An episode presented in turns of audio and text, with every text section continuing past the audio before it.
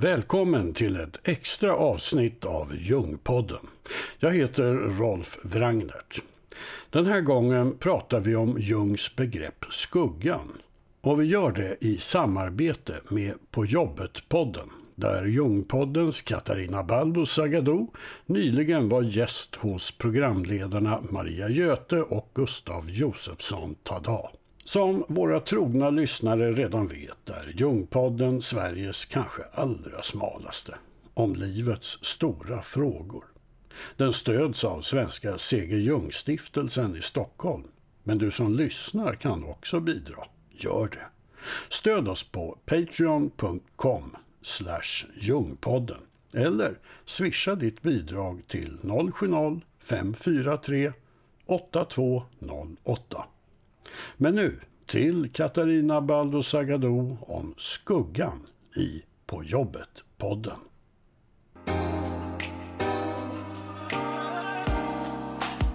Katarina Baldo Sagado är författare, journalist och programledare för Jungpodden.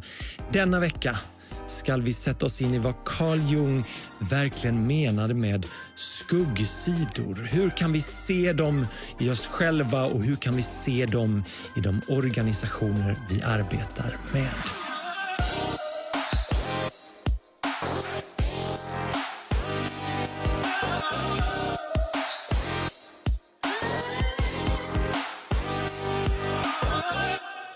Vad har Jung betytt för ditt liv, Katarina?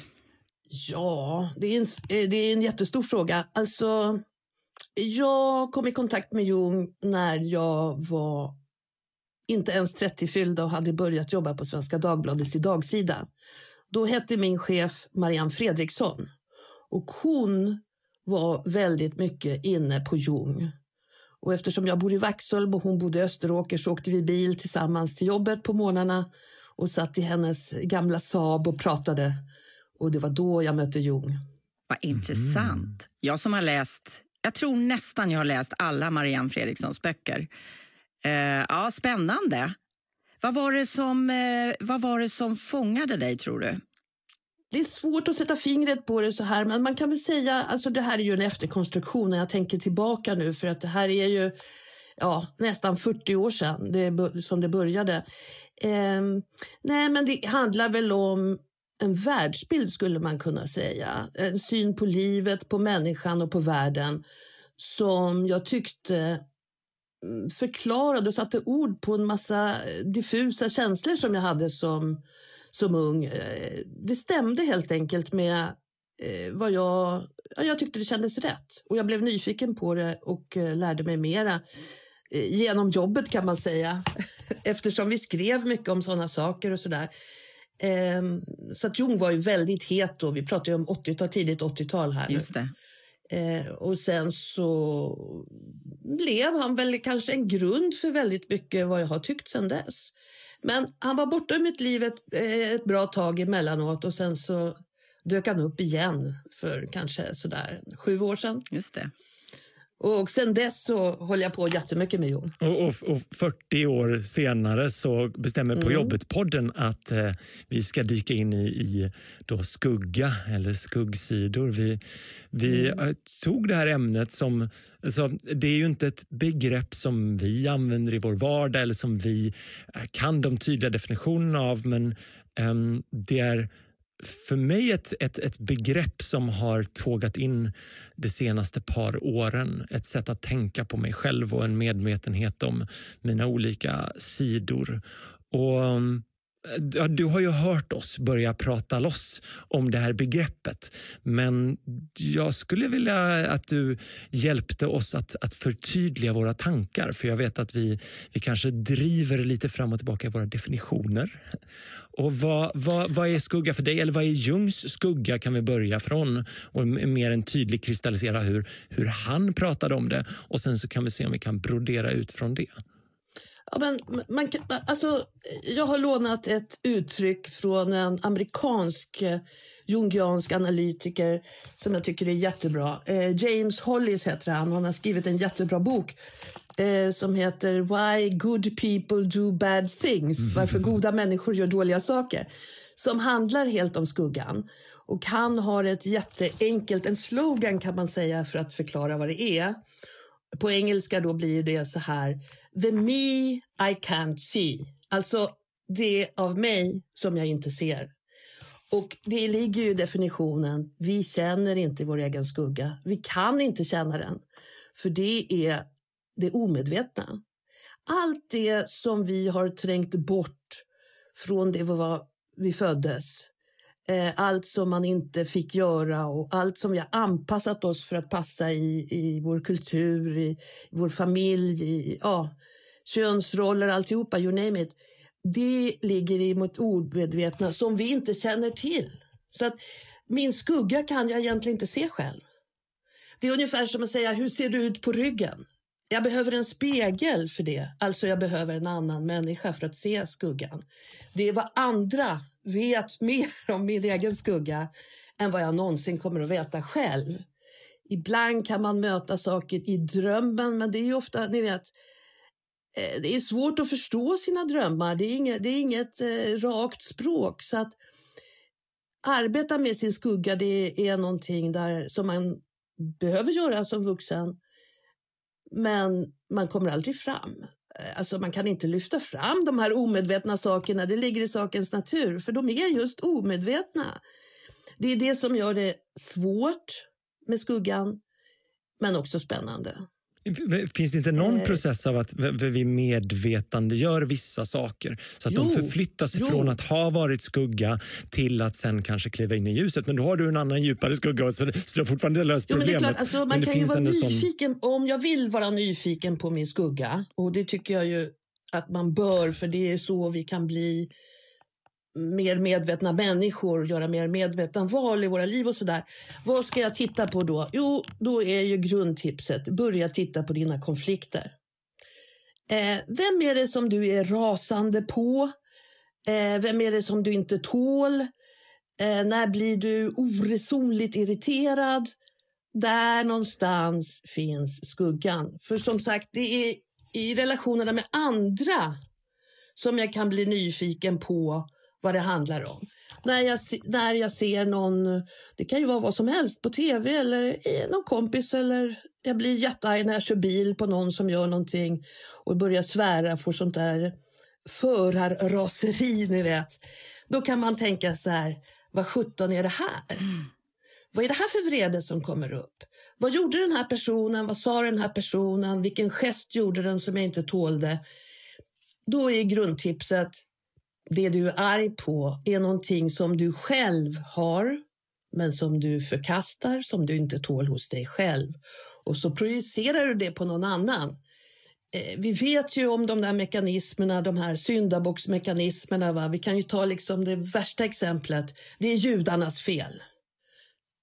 Där kan man börja titta på att det finns någonting. Man förlägger det som man tycker är dåligt och ont och förkastligt och äckligt och allting på någon annan. Det är det som du har inom dig själv som du inte tål. Gå hem och, gör, och börja fundera på det du. Och, och sluta bråka med de andra. Det, jag, det, som jag, det är jag ju ingen lätt av, grej. Alltså. Jag klarar inte Nej. av folk som eh, pratar för mycket och tar för stor plats och är dåliga på att lyssna in att andra har någonting att säga också. Precis. Ja. Precis. Alltså man kan ju säga så här, det finns ju vissa kulturella grejer också som kanske är gemensamma för oss alla, för den här skuggan. Man kan säga att ni vet ju att Jung har ju... Dels så talar vi ju om den individuella psykologin, mina egna föräldrar, hur min barndom var och så vidare. Men sen finns det ju också kulturella mönster. Och då kan man väl säga så här att i vår tid i kanske stora delar av västerlandet så är ju vrede till exempel en sak som ofta är tabu. Alltså när barnet är väldigt litet, för det här med skuggan det börjar ju när vi är riktigt små.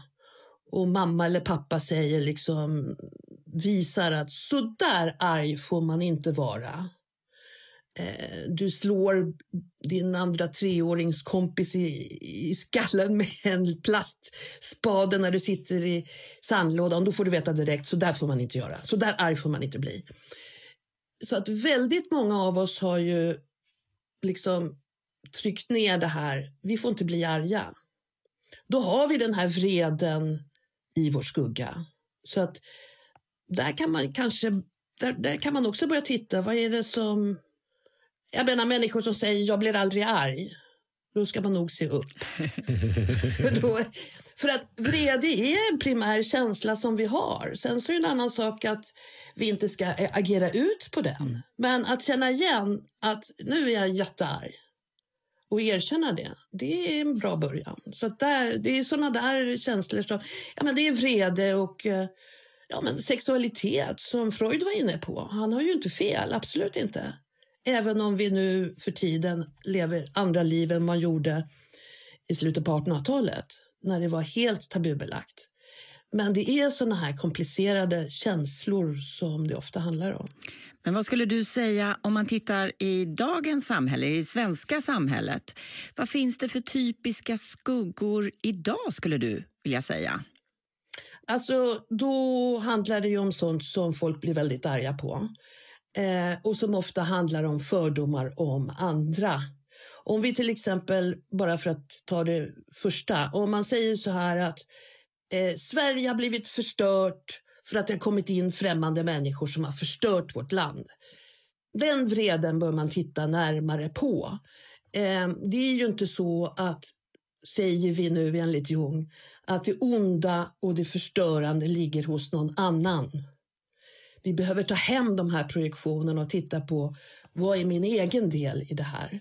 Det är ju inte så att Sverige skulle bli som på 1950-talet om alla flyktingar och invandrare och nyanlända försvann. Nej, det är fel. Det skulle det inte. Eh, de saker som har förändrats i tiden har inte med någon annan att göra.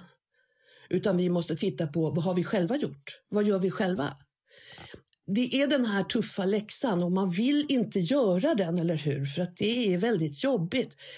Om jag är jättearg på Trump till exempel så vill jag ju inte säga så här att jag är arg på Trump därför att han avslöjar att jag själv har många av de dragen som han spelar ut. Det vill man inte erkänna, eller hur? Det gör ont att tänka det. Är jag också så där? Ja, den sidan finns också hos mig. Men, om, Men jag förnekar den. Om, om man skulle vända på andra sidan av den där eh, rasismskuggan som du tog fram som är den här, på den här arbetsplatsen får man inte vara rasist.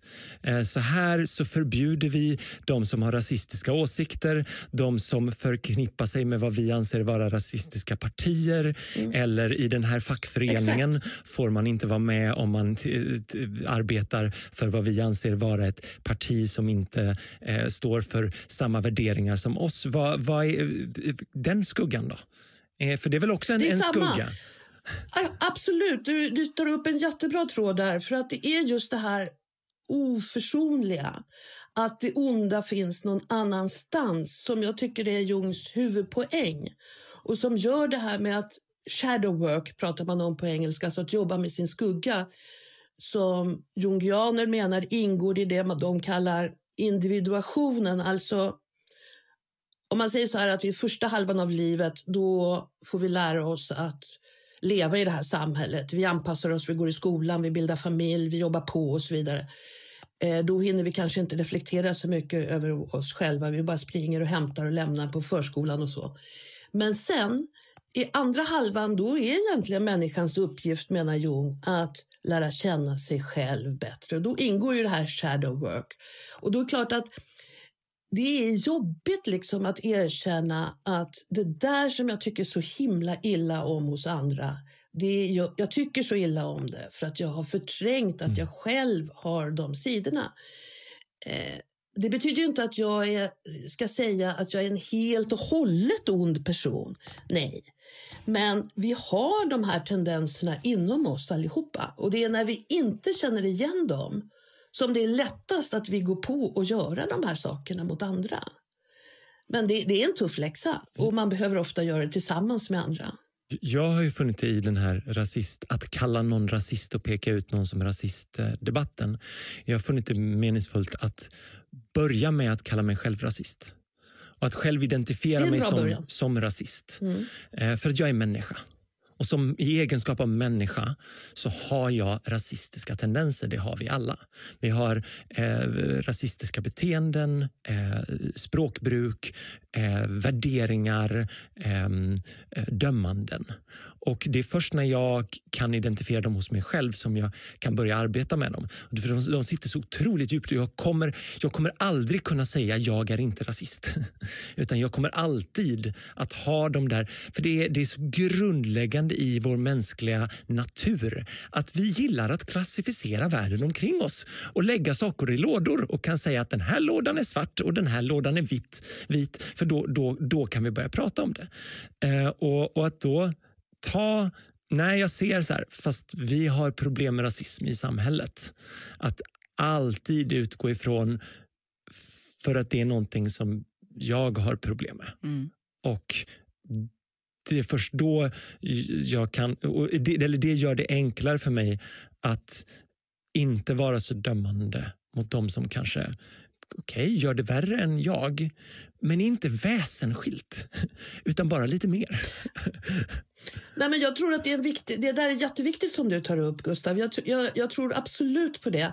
Men det finns, som jag sa förut, en skillnad. Om jag säger så här, ja, hela vår kultur är så där som du beskrev. Jag är del av den kulturen. Jag har också fördomar, för det har vi alla människor. Jag projicerar också dem på andra. Det gör vi, det kan man inte göra någonting åt. Men när jag erkänner detta, då är det ju också så här att det är en sak att erkänna att jag har de här tendenserna. En helt annan sak att agera ut på det eller inte. Det, det är samma som jag tänker så här, jag vill mörda den jäveln. Jag blir tokig på någon. Det är helt okej okay att jag säger det för mig själv och erkänner det att jag är rasande. En helt annan sak är att ta en kniv och verkligen mörda någon. Det gör vi inte. Så att de känslor vi har som vuxna betyder ju inte att de gör att vi måste göra vissa saker. Nej. Och ju mer vi erkänner det vi har, desto större valmöjligheter har vi. Okej, okay, jag är rasande, jag tycker det här är jobbigt, jag blir rädd och allt möjligt. Vad kan jag göra nu? Det är liksom nästa fråga. Vad har jag för val? Jag kan prata med honom, jag kan undvika honom, jag kan flytta till ett annat hus. Alltså, ofta så har man ju tusentals alternativ för att hantera det här som, som har väckt de här starka känslorna. Eh, det är det ju som handlar om att bli medveten. Att jag gör ett medvetet val. Nej, jag ska inte agera ut på den där känslan. Jag ska reflektera över den. Vad handlar den om? Hur kan jag göra det på bästa sätt för mig själv och för andra? Det är det som är shadow work kan man säga, precis det där du säger.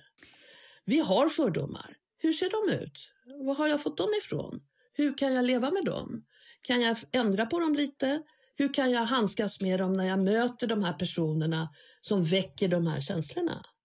Det, det, men som sagt var det är ingenting man kan kanske göra hela tiden för man orkar inte det.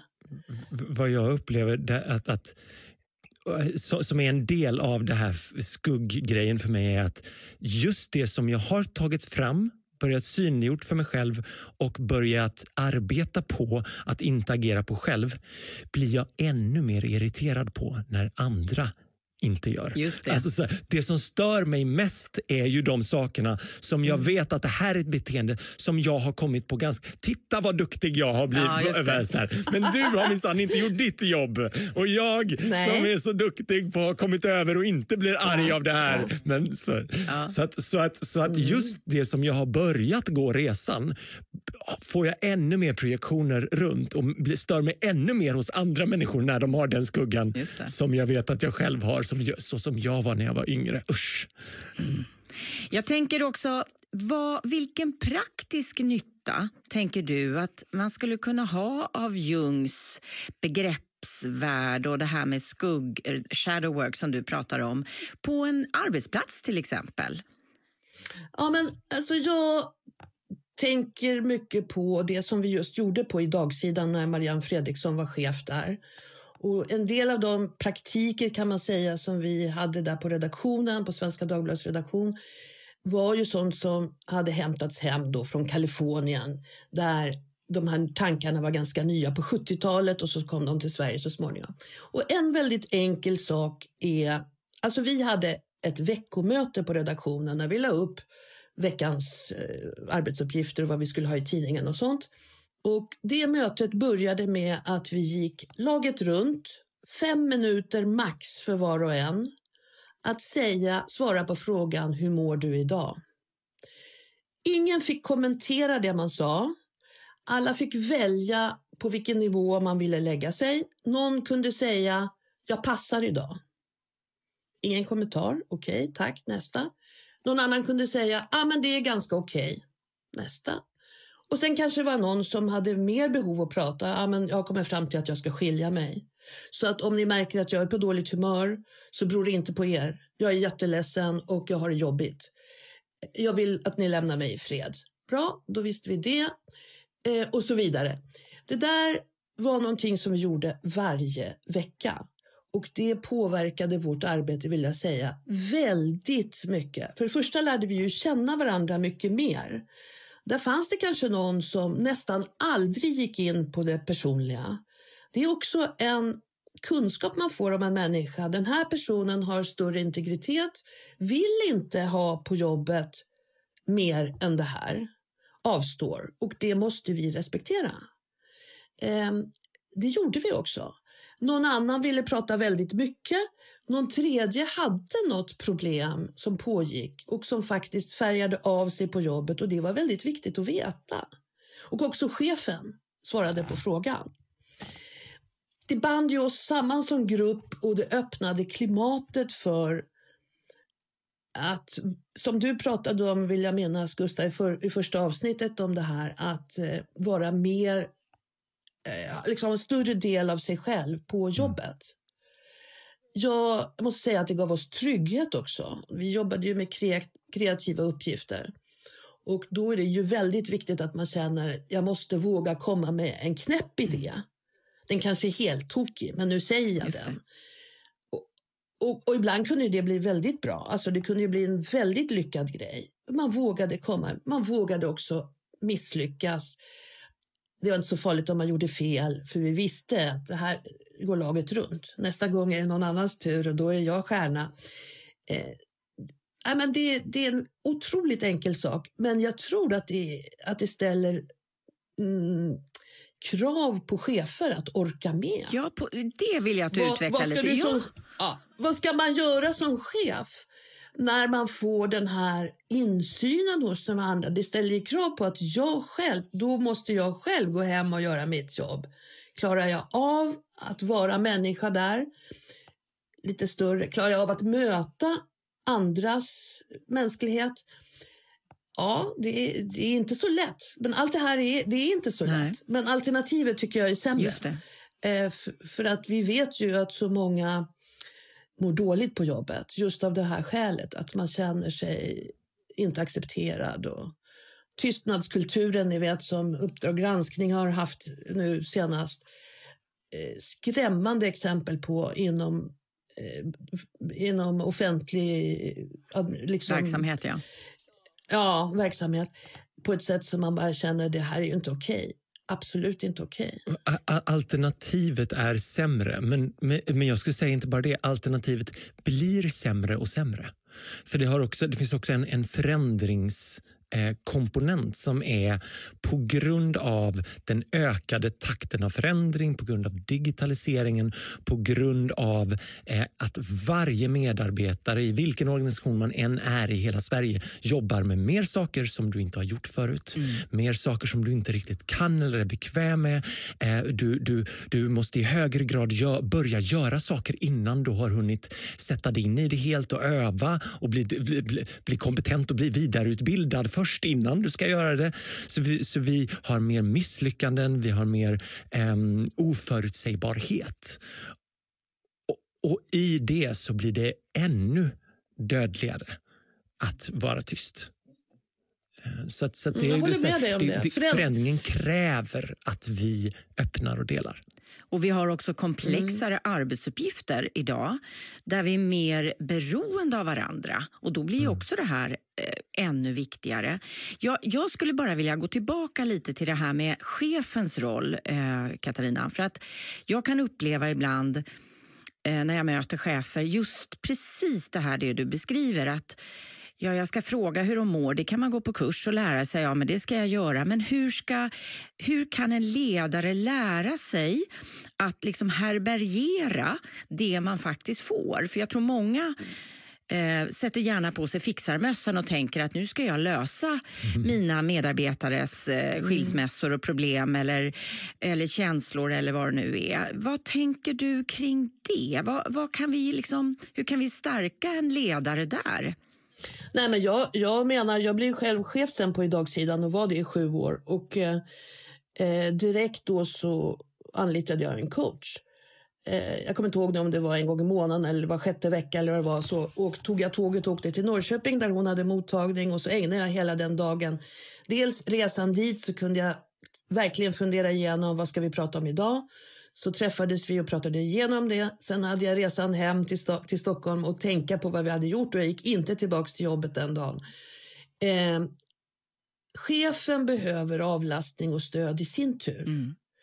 Eh, och den chefen måste också ha stöd från sin chef. Om det vi pratar om mellanchefer här som jag var, då är man ganska utsatt. Man kan inte göra det här jobbet om man inte har stöd högre upp. Så egentligen så börjar förändringsarbetet i toppen, det måste jag säga. Finns det är högsta chefen medveten om detta, då är, då är förutsättningarna mycket, mycket bättre eller till och med kanske goda att det sprids uppifrån och ner. Men det är svårt att jobba i en organisation där det finns motstånd uppifrån. För förr eller senare, precis som du är inne på, så händer det någonting allvarligt kanske med någon medarbetare som slutar att fungera eller på något sätt. Då måste ju jag som chef kunna gå till min chef och säga nu har det gått över min nivå, nu måste vi hjälpas åt att lösa det här problemet.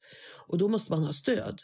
Absolut. Mm. Så att organisationerna behöver genomsyras av det här tänkandet. Och det är ingenting som man lär sig på kurs. Det tror jag inte. Man kan naturligtvis ha introduktionskurser och så, utan det är någonting man måste hjälpas åt tillsammans med. Det finns liksom ingen quick fix, det är det jag menar, eller något så här program man följer tre punkter eller så. Nej. Man kan börja med det här lätta som jag sa, på, på mötet att man en gång i veckan mm. går igenom. Att man får vara människa, liksom. att, att var och en blir förmänskligad på något sätt. Ja, men det kommer leda till nya konflikter säkert och nya problem. Ja. Och då kanske det kan vara lätt att man säger så här, nej men den där skiten tar vi bort, det blev så jäkla jobbigt. Vi återgår till det vanliga ordergivning. Men jag tror som du är inne på Gustav, det, det funkar inte så mycket på, på moderna arbetsplatser där förändringstakten är snabb och, och så. Det, det kan inte hjälpas. Vi, vi behöver ta oss an det här. Men man behöver kanske inte göra storverk i början. Man kan ju vara lite försiktig med varandra. Och det är väldigt viktigt. På ett sånt här möte måste man bestämma sig för att ingen får prata om det som är sagt någon annanstans. Allt som sägs ska stanna i den gruppen och ingen får kommentera det som sägs. Det där... För att annars så kan det bli skitsnack. Ja, kommentarsgrejen är en del av det här som, som du sa Maria, så här, ja men hur gör jag för att inte gå in i att nu ska jag fixa problemet?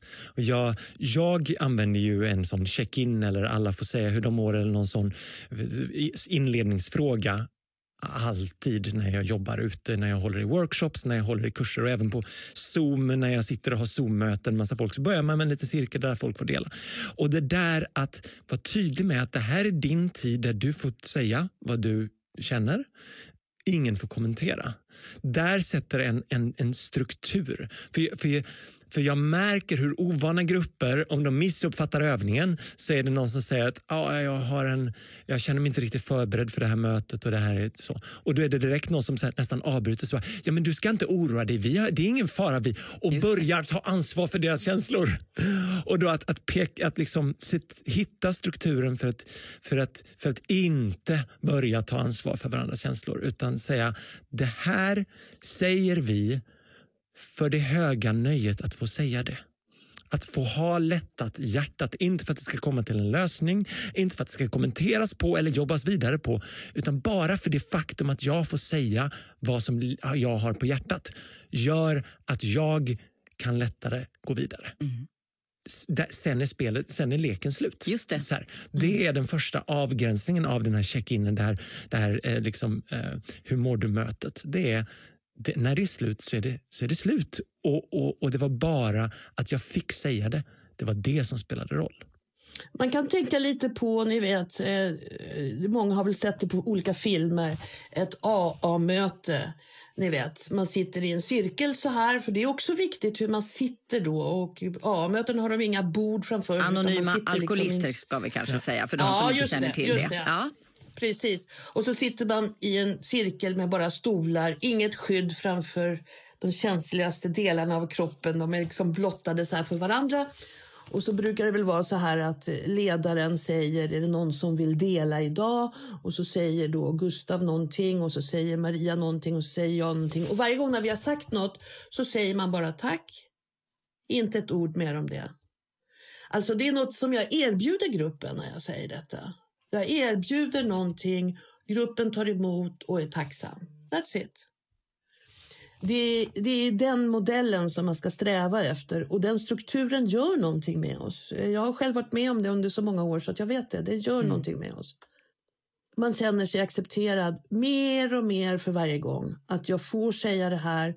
Ingen tar över som du säger Gustav. Ingen börjar liksom tycka något eller säga jag har ett tips. Nej, för det vill jag inte Nej. ha. Utan jag har bara sagt det här. Och AAs koncept har ju fungerat i otroligt många år och, och mm. jag känner mm. olika personer som har genomgått programmet och som berättar också att de har kommit dit. De kanske har suttit och lyssnat i ett år och inte sagt ett ord. Mm. Och det är okej. Okay. Men det mm. ger ändå jättemycket och den dagen man sen delar så ger det också väldigt mycket. Alltså det, det är mm. otroligt, för det litar också till var och ens eh, eget ansvar till att eh, ta fram det man vill till bordet. Jag tycker det är ett sätt mm. att se oss som mm. vuxna människor. Mm. Det är du som väljer. Så tänker jag. Det... Men det är kanske huvudordet, det som du tar upp här nu, ansvar. Ja. Alltså om jag ska börja jobba med min skugga eller det här shadow work som de flesta kanske inte kommer till först de är kanske 50 eller sådär eh, då är det där att ta ansvar för både mina känslor, var kommer de ifrån och hur hanterar jag dem? Eh, att ta ansvar för det. Det är inte någon annan som jag kan skylla på, tyvärr, för det är mycket lättare. Jag måste ta ansvar för det själv och jobba vidare med det. Eh, det är en stor förändring i attityden när man börjar tänka så faktiskt. Och Det betyder ju att om de andra då inte har gjort det här jobbet som du är inne på så är det mitt ansvar att bestämma och välja. Hur ska jag hantera det? det. Den här personen förstår inte vad jag pratar om och den har mycket fördomar och nu blir jag irriterad på det. Jaha, hur ska jag hantera det? Alltså varje gång så kommer bollen tillbaks till mig själv. Och så småningom, när man har jobbat med det ett tag, så blir det ju också en större frihet. För att när det är mitt ansvar, då kan jag ju göra någon förändring. Vad andra gör lär jag inte kunna påverka. Men mitt eget beteende kan jag i alla fall i viss mån, märk väl, bara i viss mån styra. Just det. Här, för, det, för det omedvetna styr oss ju så väldigt mycket. Här är en liten catch 22. För att i, i det så ligger ju så här jag kan inte ta fram din skugga. nu ska jag få fram och visa din skugga för dig för när jag ger mig på då börjar jag kasta min skugga på snarare än din. Och på något mm. sätt, det är det där, jag måste välja att själv börja se vad är det jag kan kontrollera, vad kan jag ta ansvar för i mitt eget liv. Och sen samtidigt sitter vi här och pratar ledarskap och kultur och hur skapar man mm. arbetsplatser där vi inte säger till folk att du får fan ta ansvar för din egen skit. Mm. Men där vi på ett mjukt och välkomnande sätt uppmuntrar Just det. varandra. Hur skapar, vi, och hur skapar vi den här? Hur för, skapar man den? Ja, kulturen. För det, det, du pratade om, Katarina, det är ju det här att man själv, när det är en själv så kan man eh, då kan man påverka hur man själv agerar. Men om vi tänker att man sitter där som ledning för ett bolag och känner att vi vill jobba med tillit till exempel, eller vi vill jobba med en organisation som är så här.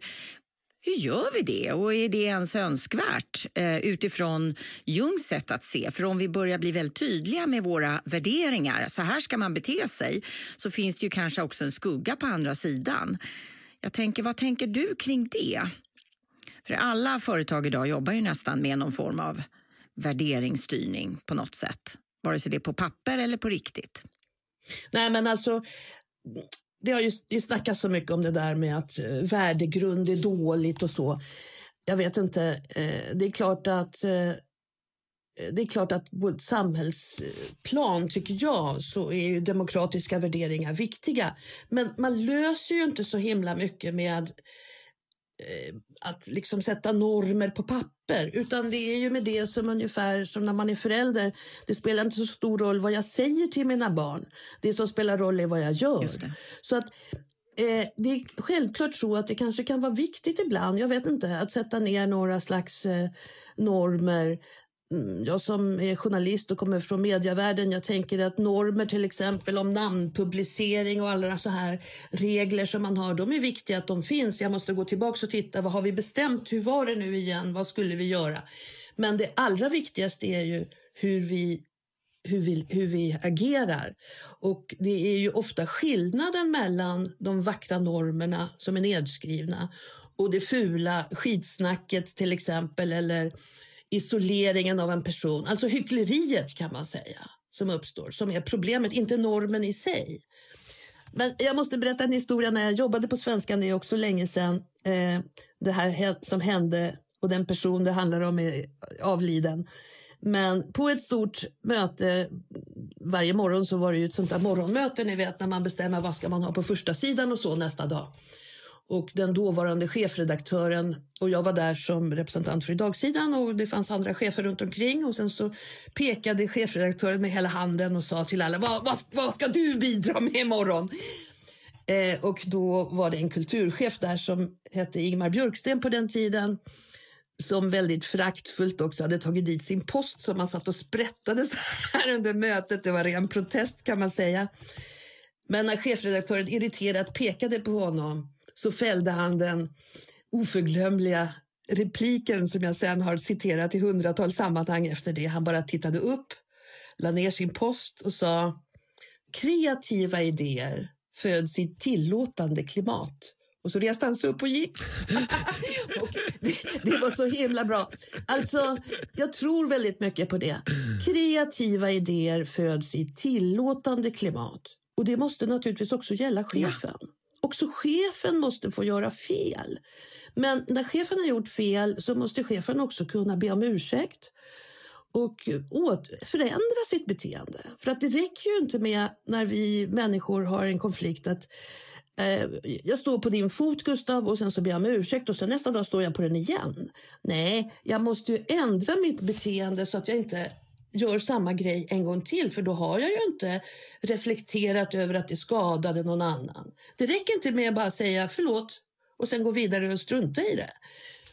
Eh, och det är de här, de här grejerna som vi har svårt för, vi människor i allmänhet. Det här att verkligen ta in, det här som jag gör nu påverkar en annan människa väldigt negativt. Jag kanske inte förstår varför, men jag måste försöka, försöka förstå det. Och, han, och det, då är det ju någonting just i de här konflikterna. Vad är min del i det hela? Vad kan jag ändra på? Men det är, det är ett tungt jobb som många vill, de flesta av oss, hela tiden vill fly ifrån. Och sen ibland kanske vi orkar göra det.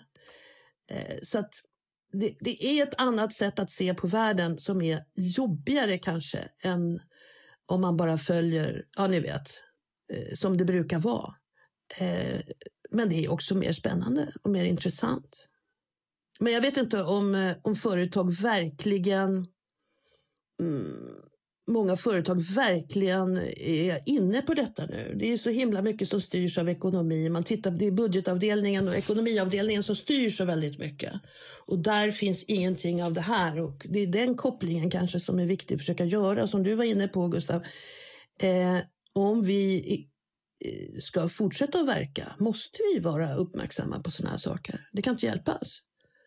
Många missnöjda anställda, det ger ju ingen bra resultat helt enkelt. Ja, de kan rösta med fötterna, det vill säga de kan göra något annat. Ja. Eller eh, så fort chefen är borta så börjar man surfa och göra annat.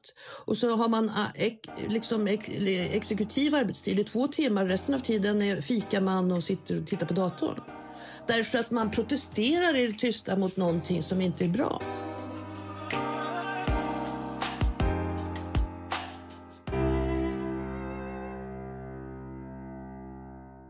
Nästa avsnitt av Ljungpodden handlar om en av Jungs riktigt stora passioner, alkemi.